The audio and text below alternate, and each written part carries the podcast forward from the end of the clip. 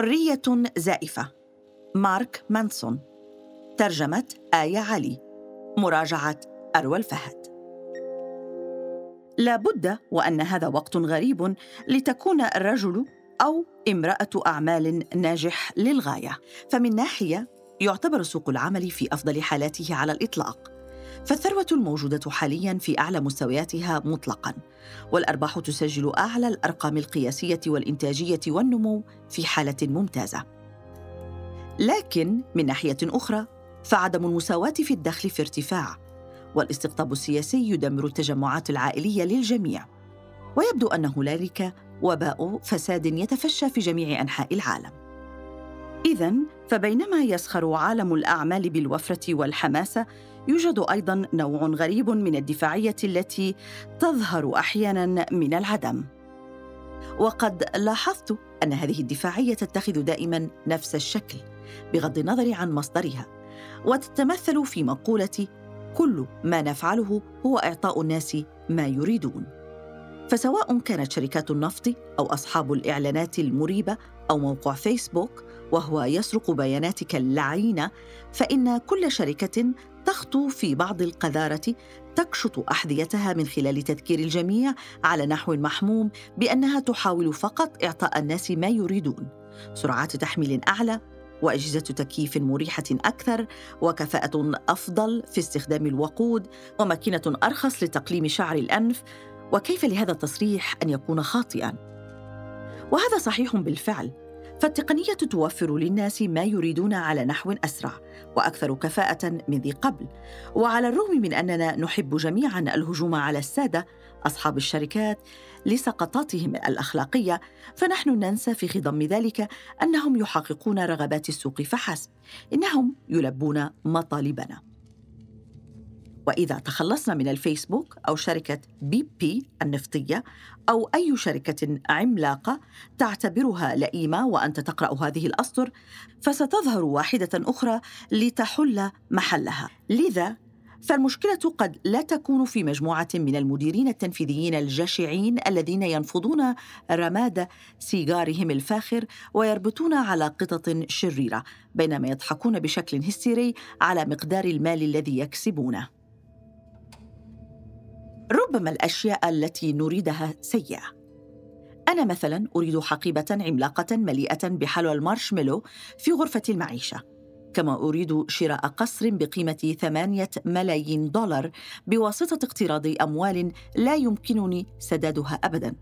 وأريد أيضا أن أسافر إلى شاطئ جديد كل أسبوع على مدار العام القادم والعيش على شرائح اللحم الواجيو باهظة الثمن.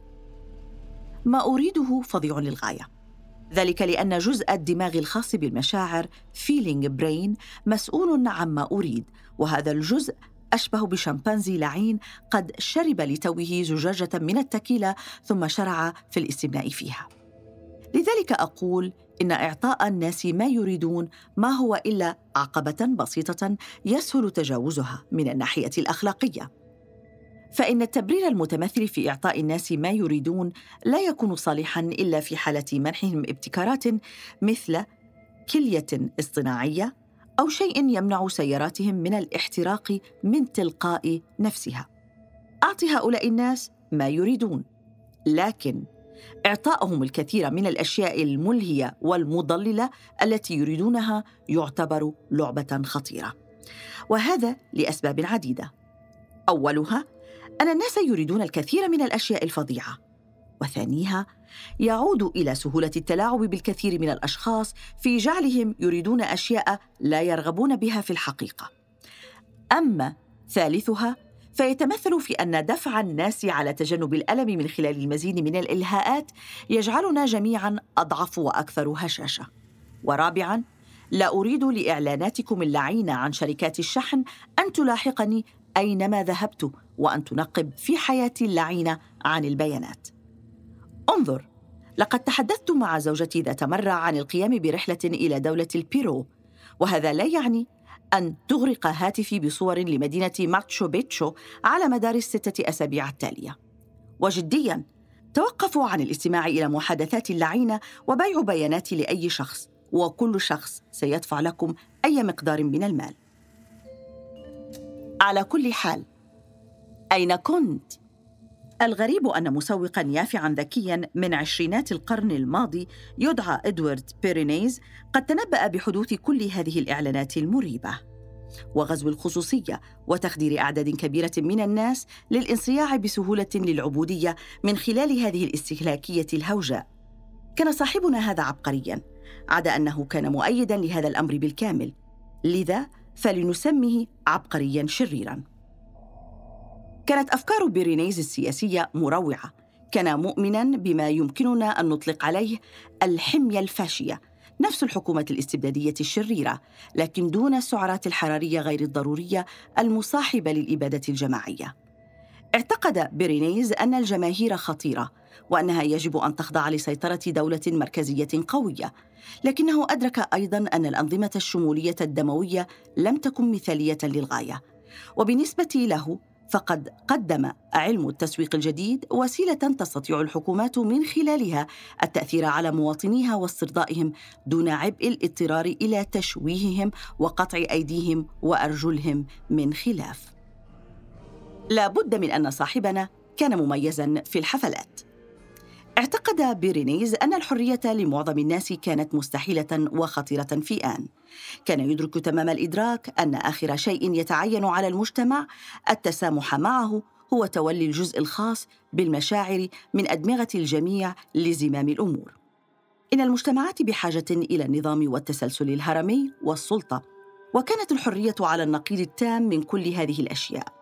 لقد اعتبر التسويق أداة جديدة مذهلة يمكنها أن تمنح الناس الشعور بالحرية.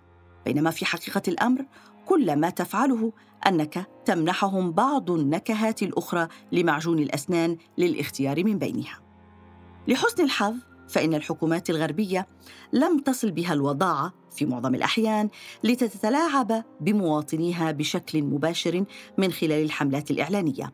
وبدلا من ذلك حدث العكس. لقد كان عالم الشركات بارعا في منح الناس ما يريدون لدرجة أن هذه الشركات اكتسبت تدريجيا المزيد من القوة السياسية. وقد حدث تمزيق للوائح والتشريعات وانتهى أمر الإشراف البيروقراطي كما خضعت الخصوصية لعوامل التآكل. ولما حدث كل هذا؟ لا بد من أنك قد فهمت بالفعل. لقد كانوا يقدمون للناس ما يريدون. ولكن اللعنه لنكن صريحين. إن إعطاء الناس ما يريدون لا يتعدى كونه حرية زائفة. فيك فريدم لأن ما يريده معظمنا هو بعض الإلهاءات. وعندما نمطر بالأمور الملهية تحدث عدة أمور. أولها هو أننا نصبح أكثر هشاشة. إذ أن عالمنا يتقلص ليتوافق مع حجم قيمنا المتناقصة باستمرار. فنحن نصبح مهووسين بالراحة والسرور وأي خسارة محتملة لهذا السرور تجعلنا نشعر بأن العالم يتهاوى وأن في هذا ظلم كوني لنا. إنني أزعم أن تضييق عالمنا المفاهيمي لا يحررنا بل يفعل العكس تماما. الأمر الثاني الذي يحدث هو أننا نصبح عرضة لسلسلة من سلوكيات الإدمان منخفضة المستوى تفقد قهري لهواتفنا وبريدنا الإلكتروني وصفحتنا على إنستغرام وإنهاء قهري لمسلسلات لا تعجبنا على شبكة نتفليكس ومشاركة مقالات مثيرة للحقن لم نقرأها. وقبول دعوات إلى حفلات ومناسبات لا نستمتع بها والسفر لا لأننا نريد ذلك بل لكي نكون قادرين على قول إننا ذهبنا. ومرة أخرى فالسلوك القهري الذي يهدف إلى تجربة المزيد من الأشياء لا يحررنا بل يفعل العكس تماما.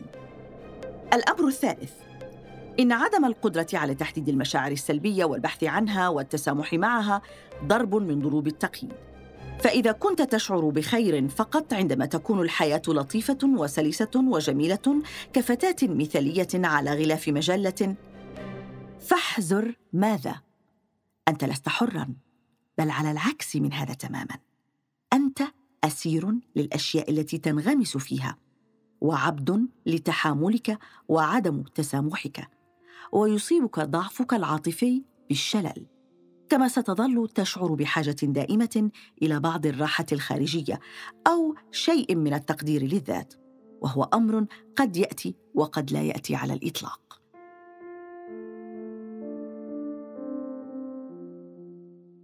ورابعا لأنه اللعن على ذلك أنا في دوامة مفارقة الاختيار. فكلما توفرت لدينا المزيد من الخيارات أي كلما زادت الحرية التي نمتلكها قل رضانا عن الشيء الذي يقع اختيارنا عليه. إذا كان على جين الاختيار من بين صندوقين من حبوب الإفطار ويمكن لمايك الاختيار من بين عشرين صندوقا فإن مايك لا يتمتع بحرية أكبر من جين. بل لديه تنوع أكبر. وهناك فرق فالتنوع ليس حرية إنه مجرد تباديل من بين نفس الهراء عديم المعنى. فلو أنه بدلا من ذلك كان هنالك مسدس مصوب نحو رأس جين ورجل يرتدي زيا رسميا لوحدة إس إس النازية ويقول بلكنة بافارية سيئة للغاية كل الحبوب اللعينة! فعندئذ ستكون لدى جين حرية أقل من تلك التي يتمتع بها مايك. لكن اتصلوا بي عندما يحدث هذا. وهذه مشكلة تمجيد الحرية على حساب الوعي الإنساني. إن وجود المزيد من الأشياء لا يجعلنا أكثر حرية بل يسجننا في قلق إزاء ما إذا كانت اختياراتنا أو أفعالنا صائبة. كما أن وجود المزيد من الأشياء يجعلنا أكثر عرضة لمعاملة أنفسنا والآخرين كوسائل لا غايات انه يجعلنا أكثر اعتمادا على الحلقات اللانهائية من الأمل. إذا كانت ملاحقة السعادة تسحبنا جميعا إلى الصبيانية مرة أخرى فإن الحرية المزيفة تتآمر عندئذ لإبقائنا هناك لأن الحرية لا تعني وجود المزيد من العلامات التجارية لحبوب الإفطار للاختيار من بينها أو المزيد من العطلات الشاطئية لالتقاط صور شخصية. أو المزيد من القنوات الفضائية لتغفو وأنت تشاهدها. هذا تنوع وفي الفراغ يكون التنوع عديم المعنى. إذا كان انعدام الثقة يحاصرك من كل اتجاه وكان الشك يضع أمامك العراقيل وكان التحامل يصيبك بالعجز فلن تكون حرا حتى وإن كانت أمامك تنوعات العالم أجمع.